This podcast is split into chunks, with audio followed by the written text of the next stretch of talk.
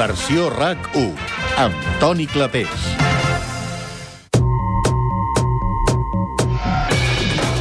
Les 5 de la tarda, 8 minuts. Bé, encetem aquesta segona hora repassant darrers titulars vinculats al, al món econòmic que mm, donen un optimisme pel que fa a properes dates. Ole, ole. Barack Obama ha dit, per exemple, aquest cap de setmana que comença a observar un raig d'esperança per l'economia.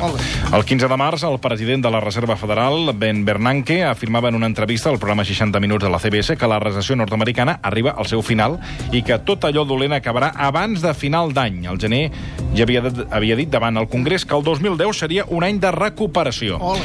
El president del Banc Central Europeu, Jean-Claude Trichet, també deia fa només unes setmanes que hi ha elements que suggereixen que ens estem apropant al moment d'una recuperació. En aquests moments, deia Trichet, és important subratllar que hi ha llum al final del túnel.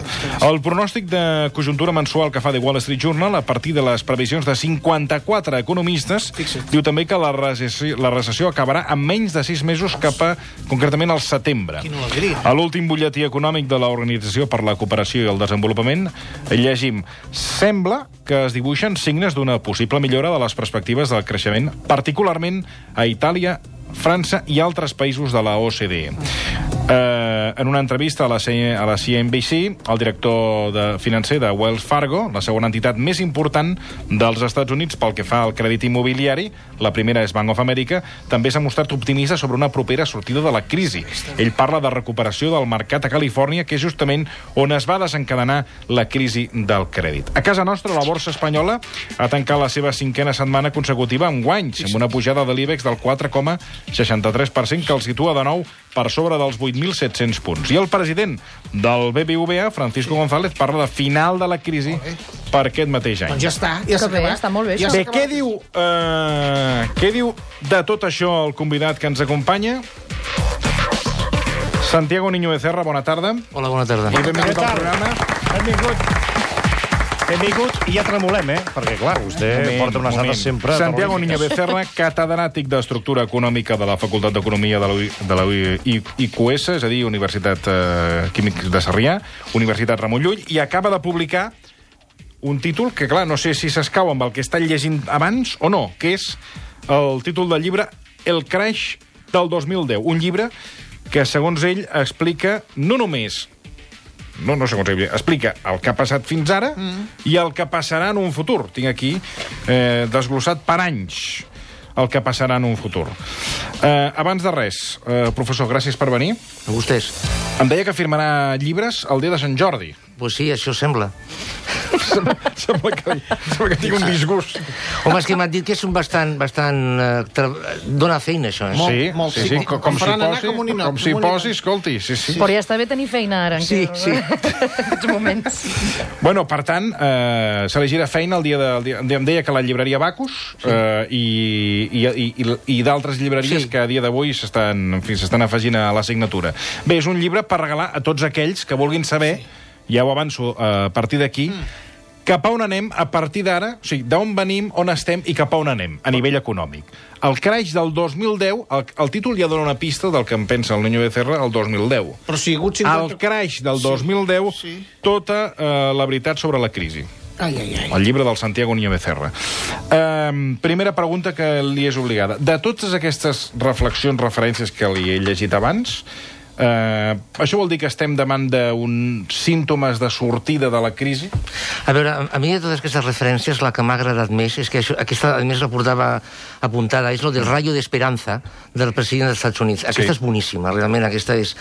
Eh, a veure, ara, ara estem en un, en un moment eh, en què mm, mm, fin- la gent ha de creure de que tothom, perquè a més és que es necessita de que el, el miracle és possible. És a dir, el, el, el amb majúscules, eh?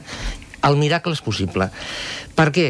A veure, mm, s'han, de moment es porten injectats a l'economia 5,5 bilions de dòlars, eh, tenint en compte totes les injeccions que s'han fet.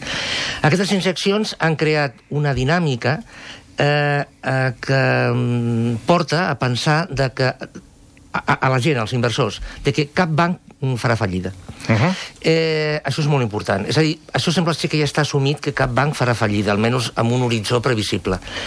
Eh, això està justificant el, els increments de les bosses, que vostè ha parlat Sí. eh, fa un moment. Eh, 8.700 punts sí, a l'últim tancament de Sí. l'IBEX amb un augment del 4,63%. És, és molt curiós, és molt curiós perquè com a exercici la gent pot, pot agafar i comparar l'evolució de l'IBEX o del CAC francès o del DAX alemany amb el Dow Jones. És a dir, eh, ara, això ha sigut sempre, no? però ara sobretot eh, l'evolució de tots els índexs són eh, una, una, una imatge especular del que fa el Dow Jones.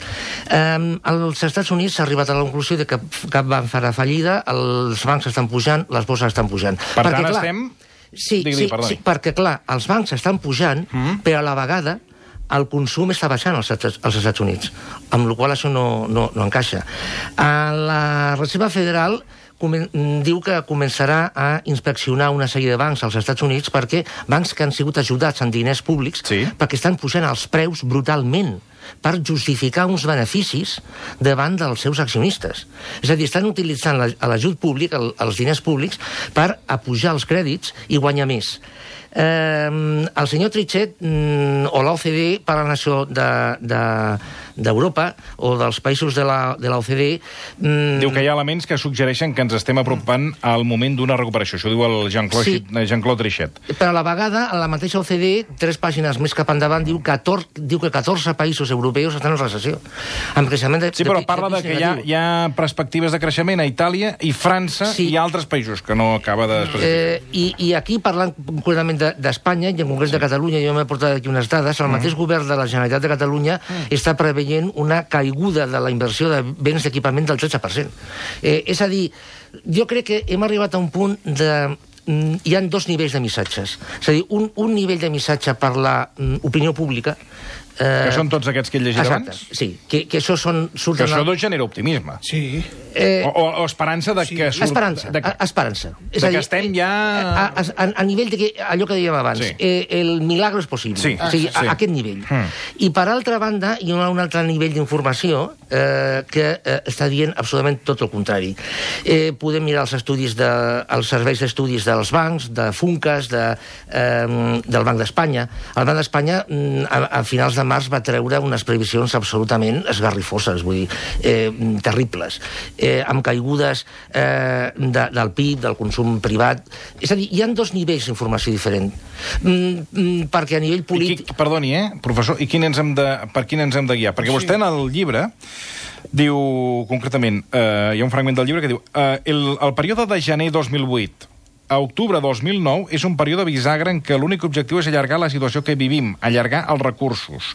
Les valoracions que es fan són encara aguantem.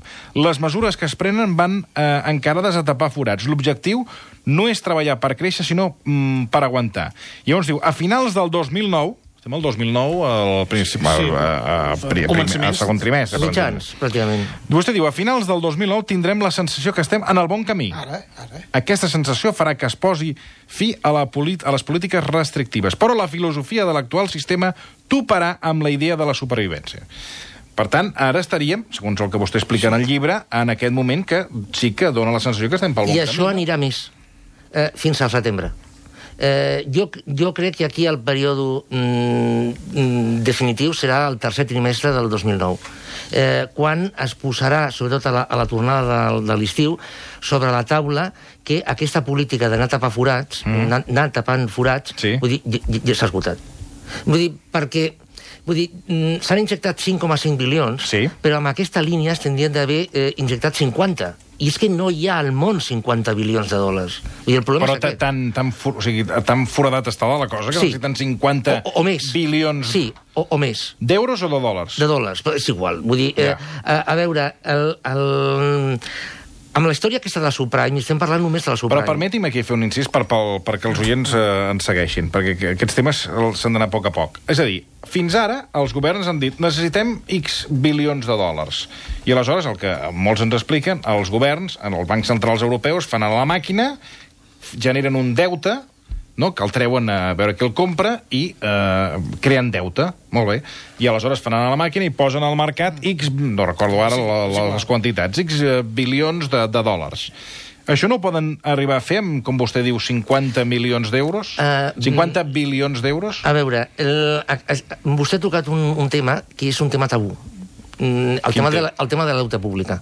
A veure, mm, tots els governs, Sí. tots els estats, tots, eh? eh eh, el- l'estadounidenc, el japonès, el suec, tots, estan en la dinàmica de que s'ha de reactivar Uh -huh. Això eh, generarà... deute. Sí, no, amb dèficit. D'entrada amb dèficit. Amb dèficit. I Que és el que estava... Que, era, Ja- que per això va saltar Solves, perquè Solves... Pel no, que... Sols va saltar perquè ja estava fins al... I, i, i, va, anar, i va dir que se n'anava. Eh, va, aquest va ser... Bueno, però va ser una de les versions que per això Vegara marxa és perquè ell era contrari a aquest dèficit que vostè diu. És bo que no volien... Eh, eh, perquè diu que això serà un dèficit que no repercutirà el- en nosaltres, sinó que repercutirà als nostres fills i als nostres nets. El dèficit està, estava assumit. És a dir, mm, l'estat espanyol havia assumit que eh, es podia arribar fins al 9% de dèficit aquest, aquest any. Serà més, però bueno, el 9%. Uh-huh. El 9% és una bestiesa. Vull dir, és una bestiesa.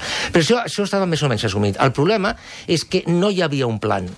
Eh, no hi havia un plan en el sentit de que eh, mm, no hi havia un calendari i eh, ara, mm, i, i per això s'ha creat aquest, mm, bueno, en fi, eh, s'ha creat aquesta figura intermitja entre la Secretaria d'Estat i el Ministeri, que és la, la, aquesta vicepresidència econòmica de la senyora Elena Salgado, sí, sí. exactament.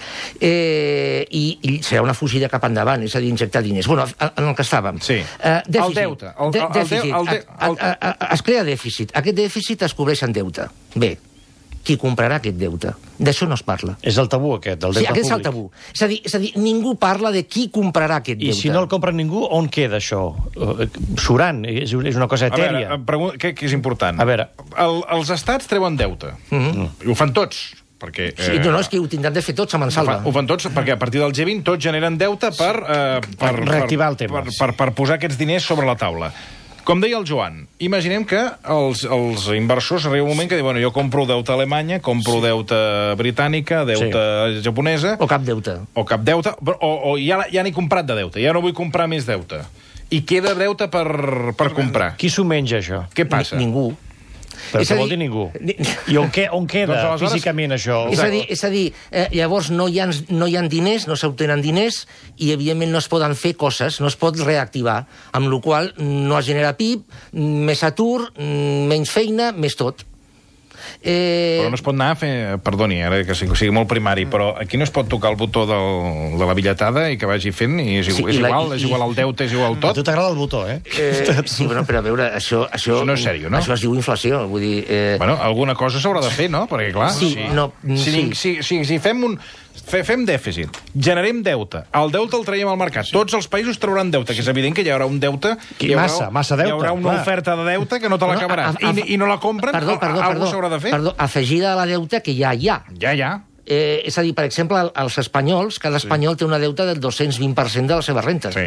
Eh, és a dir, a, a, la, a la rent, als Estats Units és més, és el 330%. Però tota aquesta macroeconomia jo crec que s'escapa a tots, perquè aquest deute és històric. És un deute que ve de què? De fa 10, 20, 50, 100 anys? Eh, bueno, a veure, no... És una cosa com endèmica. Tant no, perquè el deute privat, la deuta perpètua ja no, no existeix.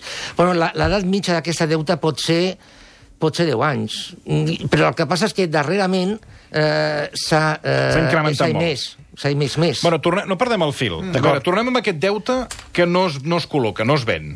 Què passa amb aquest deute? Se'ls queda el govern? Que no es ven. El problema no és que es ven, que no es vengui la deuta. El problema és que mm, aquest, aquestes feines Sí. que es volien financiar amb els diners que s'obtinguessin amb la deuta, amb la Sí, venda de deute, sí. no es poden fer, perquè no hi ha diners. Llavors, l'única sortida, Sí. la contrapartida és no fer-los, eh, no fer aquestes feines. Mm. Això què significa? Atur, decreixement, estancament, recessió, crisi. Bueno, parlant de crisi, eh, fa un moment parlàvem que fins a arribar al llindar del 2009-10, o sigui, últim trimestre del 2009, arrencada del 2010, vostè, en el llibre, parla de que el crash ve el 2010. Exacte. O sigui, vostè segueix Sí. eh, ratificant-se en que el 2010 serà pitjor que el 2009. Això és una precrisi. Això, això ara estem en Però la escolti, precrisi. eh, ja, sé que eh, vostè sempre nada contracorrent, eh? I Sí. a més ho coneixem aquí en el, en el programa i de moment li, mm, em sap greu dir-li, li, hem tinc, li Sí. tenim que anar donant la raó. Sí. Però dic em sap greu en el sentit de que ens ha portat a una crisi Clar. Eh, gravíssima, no? Tant de bo eh, vostè no hagués encertat. Ara, vostè, en el llibre, torna a assenyalar i subratlla, perquè més és el títol del llibre, el crash del 2010. I aleshores, llegint el llibre, mm. ens pinta una situació pitjor, bueno, no pitjor, molt pitjor que la del 2009. Eh, per exemple, coses que diu, així ens... Eh, perquè, clar, un se l'ha de, de llegir el llibre, no? Però, per exemple, diu, es viurà el dia, i després parla que el, el, desencadenant d'una nova crisi, que probablement vostè eh, l'afegeix doncs, a un problema d'obtenció de recursos o, o, o algun eh, conflicte provocat, generarà, ja entrarem en una, una crisi que eh, es manifestarà amb falta de disponibilitat energètica, petroli, gas, que s'haurà de regular el consum, etc etc. És a dir, ara hi entraré, perquè clar, explicar-ho tot en un moment és, és complicat, no? Però vostè situa l'arrencada, la, la, el, el, el punt d'inflexió cap avall al 2010, quan? Quan llegíem fa un moment que tothom, generant aquesta, diguéssim, d'aquesta certa confiança, doncs tot, tots diuen que cap al 2009, finals del 2009, en sortim. Vostè, en canvi, en el llibre diu que cap al 2009 entrem en el túnel. Sí, a veure, a, a, la història que estem mm, ara visquent és una història que, com ja hem comentat, comença al setembre del 2007. Sí. Al període de setembre del 2007, mm, juliol, juny-juliol del 2010, és un període de precrisi en el qual ja la, la volatilitat és elevada. Aquestes notícies, que vostè ha llegit al sí, començament sí, del programa, sí. estarien dins d'aquesta volatilitat d'anar més durant uns mesos i després una altra vegada baixar, després pujar, després uh -huh. baixar, etc etc. Vale. Eh, a, cap als mm, finals, després del, del, de l'estiu, finals del 2009, sí. es, es començarà a posar, jo crec, sobre, de manifest, que tot el que s'ha fet és un tapar forats que no ha mm, servit absolutament per res. Ho diran, ja. Però, per, ja ho diran. moment, un moment, però perdoni, No, professor, no- no però per, per què ho diu això? Amb què es notarà que el, els forats aquests que s'han anat Per, per, tapant... ex per exemple, després de l'estiu, Sí. mm, mm, estic absolutament convençut que moltes empreses no obriran. No obriran. És a dir, eh, quan, es, quan tornem de vacances, moltes empreses, parlo de- d'Espanya, de, de França i d'Alemanya, eh? moltes empreses no obriran. Per què? Perquè l- aquest finançament, és a dir, la, la manca de crèdit que està tenint les empreses, vull dir, té un impacte molt superior de, de, del que s'està dient. Vull dir, es parla de que la gent no té crèdit per comprar pisos. Bueno, això és molt important, evidentment, o no té mm. crèdit Per per, per anar-se de comprar vacances. Sí. o comprar cotxes. Sí. Bueno, això és important, evidentment. Però el que és molt, molt més important és la manca de crèdit per part de les empreses. Vull dir, un- una empresa, mm, hem arribat a un punt en què necessita crèdit per, per viure. No, no ja per invertir, per, purament per viure. Això què significa? Això significa que aquesta manca de crèdit, amb aquesta manca de crèdit, les empreses podran aguantar uns mesos. A partir d'aquí eh, començaran... Que és el que els hi passa a moltes. Sí, però passarà molt més, perquè això és un, és un efecte que es va realimentant. Vull dir, hi ha un efecte feedback que va, va realimentar tot, tot el procés. Mhm. Llavors, eh, després de l'estiu això esclatarà. Clarament, jo penso que esclatarà. I llavors, ja tots aquests missatges del rayo d'esperança i tot Sí, això sí. ja, ja no tindran cap sentit perquè llavors ja la gent es com començarà a adonar-se de que el senyor Obama pot, dir, pot parlar del rayo d'esperança però que s'ha quedat sense feina. Ell, el seu fill i el seu cunyat. I llavors aquesta serà la realitat. Un xoc entre el que, el que diuen els missatges que diuen els polítics i la senyora Salgado i etc etc i el senyor Sarkozy I la realitat. i la realitat. Ja, parlant de la realitat, eh, ens han arribat alguns Sí. correus electrònics al voltant d'una mica del que deia vostè sobre els crèdits, les empreses... El David diu, referent a bancs i caixes, alguns podria explicar si realment és legal que els bancs i caixes ens donin interessos pels dipòsits a l'1% i ens cobrin els interessos de la pòlissa de crèdit al 8%? A veure, eh, un banc, eh, una caixa és una mica diferent, però un banc és una societat anònima. Eh, una, una empresa, mm, eh, Perico Pérez, Societat Anònima, ven carmels i un banc ven diners. I un banc pot cobrar el que vulgui per al que ven. Lo tomas I, o lo dejas. Exacte. I, I això que diu aquest senyor té tota la raó. Vull dir, s'estan cobrant bestieses eh, per, per als crèdits que estan donant. És una manera de no donar-te'ls, no? Esclar. Mm, no, eh, jo crec que els bancs aquest preu a segons qui li donarien crèdit. Eh, el que, no, és a dir, no, no és que posen aquest preu per no donar crèdits, perquè ells volen donar crèdits. Mm, ells veuen que aquesta, ells fan una anàlisi de riscos i diuen aquesta persona sí al 10%. Si, si quieres, sí, si no, prefereixo no donar-t'ho. És a dir, ara ja hem arribat a la, a la situació, i això està passant en empreses, Sí. que hi ha empreses que estan dient, oiga, a usted no le vendo porque no me fío de usted. És, és a dir, és a dir la, la gent ara prefereix no vendre i, i no perdre que vendre i, I no cobrar. I no cobrar. Això ja ha passat. En la mateixa línia, el Paco, podeu comentar amb el senyor Becerra que actualment hi ha moltes entitats que estan oferint grans quantitats de diners ICO a clients que no els necessiten, a canvi que els mantinguin en un dipòsit a un interès més alt que el que paguen per aquest ICO. D'altra manera, els diners no tenen risc pel banc i, a més, se'ls queden ells per tapar els seus forats. D'altra banda, les petites empreses cada cop estem més ofegades. Això és el que deia Bueno, a veure, és que el aquest senyor té tota la raó. Vull dir, és que no, no es pot dir absolutament res. És a dir, es tenia d'entrar a regular els bancs, amb la qual cosa això és ciència ficció. Per cert, eh, tornant al 2010, vostè diu textualment, el 2010 els recolzaments... És que, que jo vull aprofundir sobre aquesta qüestió perquè l'he trobat, eh, en fi, un, allò que se m'han encès les alarmes. El 2010, els recolzaments exteriors a la persona, com els procedents de l'Estat, seran pràcticament inexistents. Com a molt, tot i que a nivell únicament individual, es pot pensar en la instauració d'una mena de subsidi de subsistència. Vostè, quan parla eh, d'aquests recolzaments exteriors a la persona, com el... Eh, diu procedents de l'Estat, a què refereix? Al A subsidi a d'atur? a veure. A, a, a les pensions? A què refereix? A tot. A veure, n- n- n- anem a veure. Eh, a No, és l'est- que clar, a això ho trobo... això és una cartilla de això ho trobo racionament. una alerta. Eh, mm, a veure, eh, a, la cosa és molt senzilla. L'Estat no és més que un comunicador de vasos. Sí, és a dir, sí. ingressa per una banda i mm, gasta per una altra. Eh, si l'activitat econòmica va menys i el consum va menys i tot va menys, a l'Estat mm, recaptarà menys. Que ja Eh, es parla, per cert, de que l'Estat, sí. el que farà el govern eh, Zapatero és incrementar els impostos. Sí, els indirectes, però per compensar, per intentar compensar. Bon, llavors, el, si l'Estat ingressa menys, Sí. això significa que tindrà de gastar menys, podrà gastar menys. Sí, sí. De la deuta pública aquesta ens, ens oblidem de Sí, moment. sí. Llavors, eh, en què gastarà menys? Evidentment, tindrà de començar a retallar. Eh, què comença a retallar? Coses que siguin menys necessàries. Uh -huh. El subsidi d'atur, mm, un subsidi d'atur mínim és necessari? Sí. Sí. Li, li, li podem dir com vulguem. Eh, subsidi d'atur, subsidi de subsistència, Sí. renta mínima d'inserció, és a dir, mm, salari mínim, ho podem dir com, com vulguem. És a dir, és una, una, una quantitat mínima de diners per sobreviure. Bé, eh, despesa de, eh, jo què sé, hospitalària per fer-se no sé què. Això pot esperar? Espera. És a dir, hi haurà un, una, una davallada de la despesa en protecció social.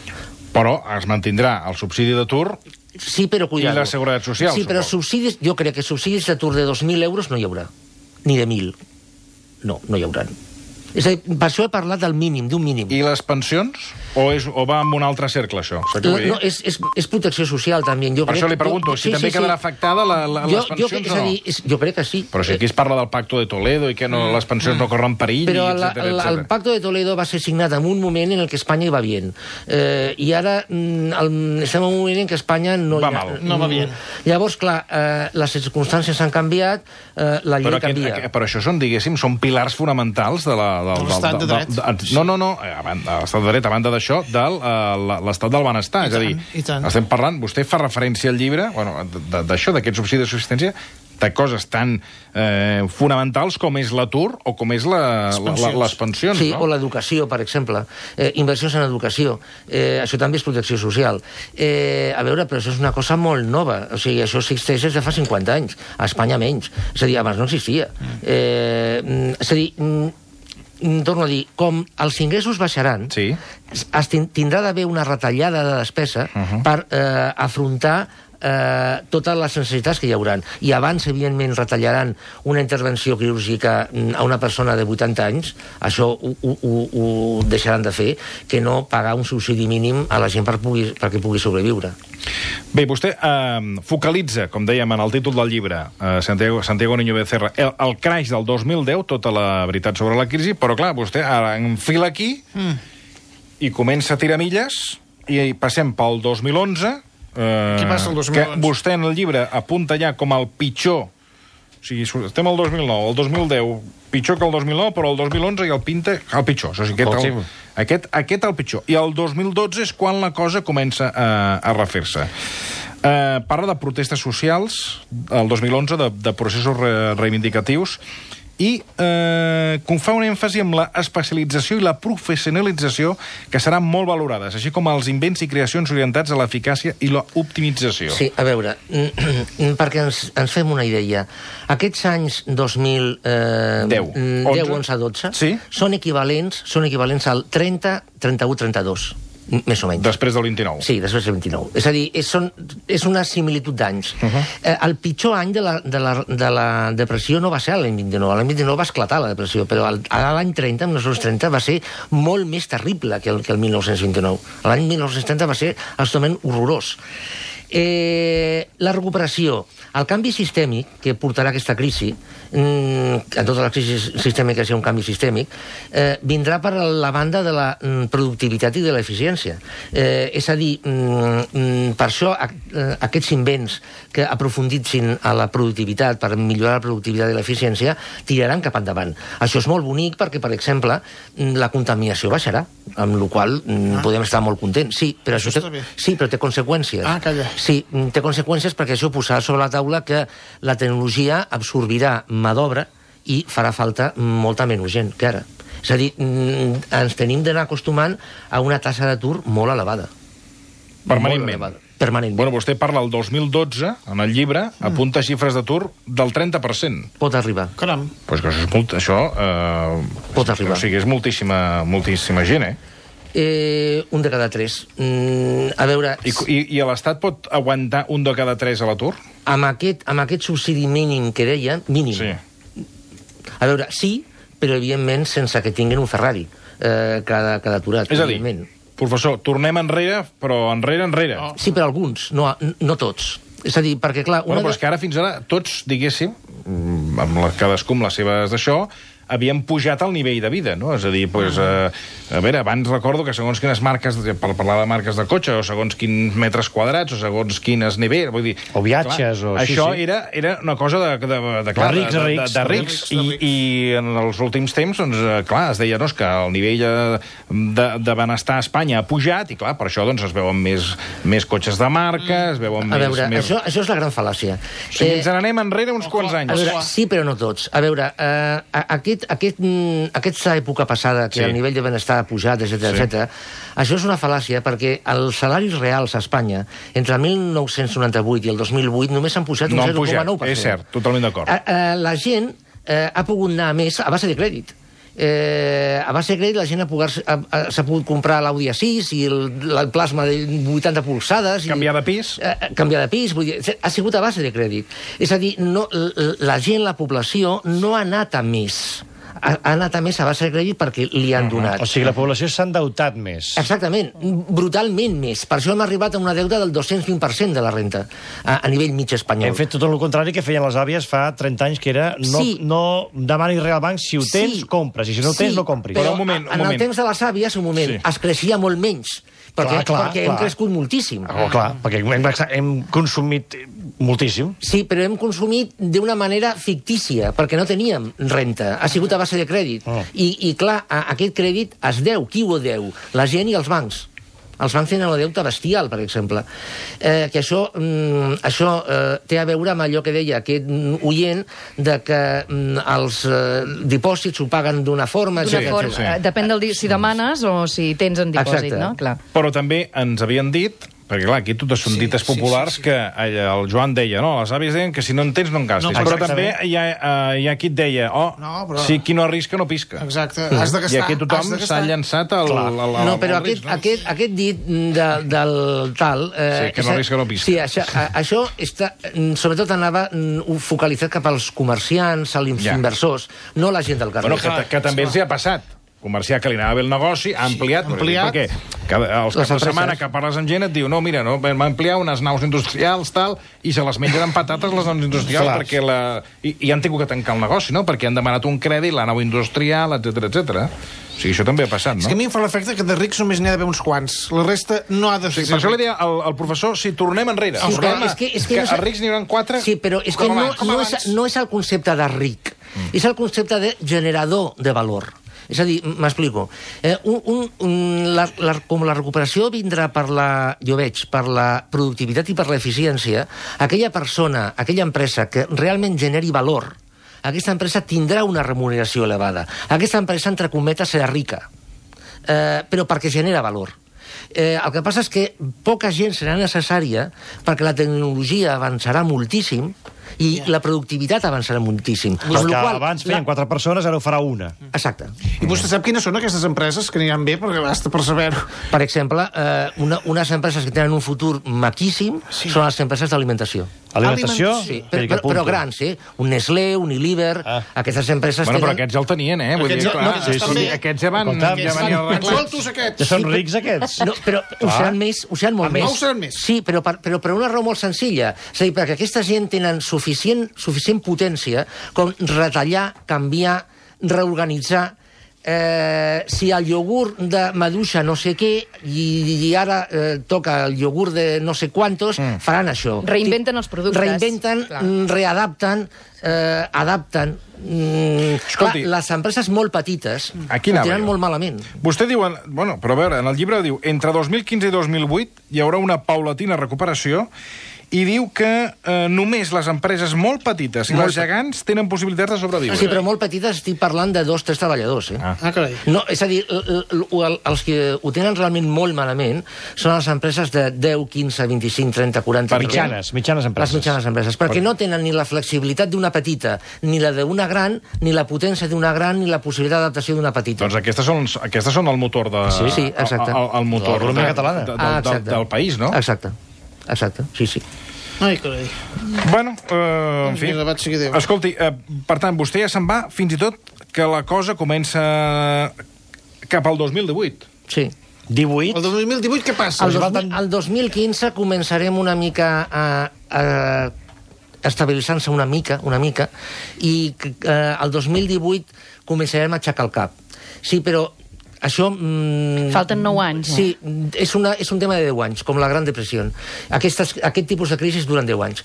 Eh, però mm, amb, una, amb una cosa molt clara, per favor, eh? no tornarem mai a lo d'abans, eh? És a dir, aquesta història d'ara, de que la gent anava, al banc a comprar un pis i el mateix banc li donava el Sí. 120%... El, sí, co sí, sí. el cotxe, la tele Ah, això i acabat, el fuster... Eh? Això no tornarà mai més, eh? Això, això és perquè, eh, és a dir, això mm, pertany a una època que ja està acabada, està superada. Vull dir, perquè els recursos ja no donen per fer això. Ara toca una altra cosa. Eh, I amb, amb la qual clar, evidentment, mm, tornem a, tornem a, lo que, a lo que dèiem, no? Productivitat cap a, cap a dalt, eh, activitat cap avall, eh, i poca gent. Bueno, poca gent, molta gent sense fer res. Sí, sí, no, però molt, poca gent generant aquest PIB. Ja, ja, per això li dic que, clar, eh, no, el que no, no acabo d'entendre o no sé, no, no acabo de comprendre, professor, és com la societat sustentarà a tanta gent a l'atur. A veure, el concepte d'atur és un concepte, i com tots els conceptes, mm. es poden canviar. Eh, però clar, si però- volem aquí, nosaltres, aquesta tarda, eh, ens inventem un altre concepte d'atur. Pues és molt fàcil, això. Eh, I aquest 30% deixarà de ser el 30% i passarà a ser el 5%. Però com s'inventa un concepte? Ah, molt, d'atur? molt fàcil. Actualment atur és la, la, la persona aturada, la, Sí. qual, la, qua- la quantitat de persones cobra un aturades... subsidi. No, no, no, no Ah. sobre població activa. Sí. Això es considera... Eh, Atur. Atur. Mm. Molt bé. En lloc de posar població activa, posem població necessària. I ja la cosa canvia radicalment, eh? La tassa d'atur baixa. La tassa d'atur, entre cometes, baixa, eh? Però automàticament. I, I això es pot decidir amb una taula com aquesta en, en mitja hora. Un consell Prenent, de prenent gin tònics. Home, gin tònics... Eh... Però, clar, vostè em parla de, uh, uh, com ha dit això, necessari, com és? Uh, Població, població eh, aturada, entre cometes, sobre població necessària. i, la, I la innecessària què? Són paràsits, ja? De, Són no necessaris. Per exemple, a l'ama de casa, actualment, eh, un estudi que s'ha fet a Anglaterra no fa molt, a la Universitat d'Oxford, em sembla, parla de que està generant eh, l'equivalent a l'equivalent a, si no recordo, si no recordo malament, eh, 250-300.000 pessetes al mes de, de, de PIB. Aquest PIB no apareix enlloc i fa feina. Eh, de la mateixa manera que no es considera una ama de casa com a generadora de PIB, una, una persona no necessària es pot no considerar població activa. O sigui, és molt fàcil canviar una, una definició. Sí, Molt no, fàcil. Bueno, vostè, perquè és del... Clar, vostè és professor, jo, la veritat, com que no, no hi entenc, doncs clar, el que em diuen 30% d'aturats, em- se'm m'esgarrifo. Bé, si voleu saber el Titanic. No. Perquè avui fa anys, i es salva si no, quien pueda. Va dir el, dir- curva, el, la va dir el curva. capitán, eh? No, la curva. Ah, sí. A partir del de, que ha passat, el que passa i el que passarà, Mm. el llibre d'aquest Sant Jordi, si voleu, podeu regalar-ne els que vulgueu, però un que crec que és fonamental és el del professor Santiago Niño Becerra, el Creix del 2010. Està. perquè no hi hem arribat al 2010. No, no, no. Per tant, Ja, ja. convé Imagina't. saber de, el full de ruta seria el Creix del 2010 i cap al 18. A mi m'ha quedat clar, Toni, deixar la ràdio tots i anar a la Nestlé a treballar, a fer iogurts i coses. Si ens hi volen. Vés-hi, vés-hi, vés-hi. Aquest llibre s'ha d'afegir als llibres profètics de la Bíblia. Perquè tot hi ha llibres de, pro- de profecies a la Bíblia, doncs aquest és un, altre, un altre llibre. Professor Santiago Niño Becerra, moltíssimes gràcies. Mm, Que vagi molt bé la jornada del dia de Sant Jordi, que Gràcies. està a tocar la setmana vinent, i, i en fi, ja ho sabeu. El Creix del 2010, tota la veritat sobre, sobre la crisi.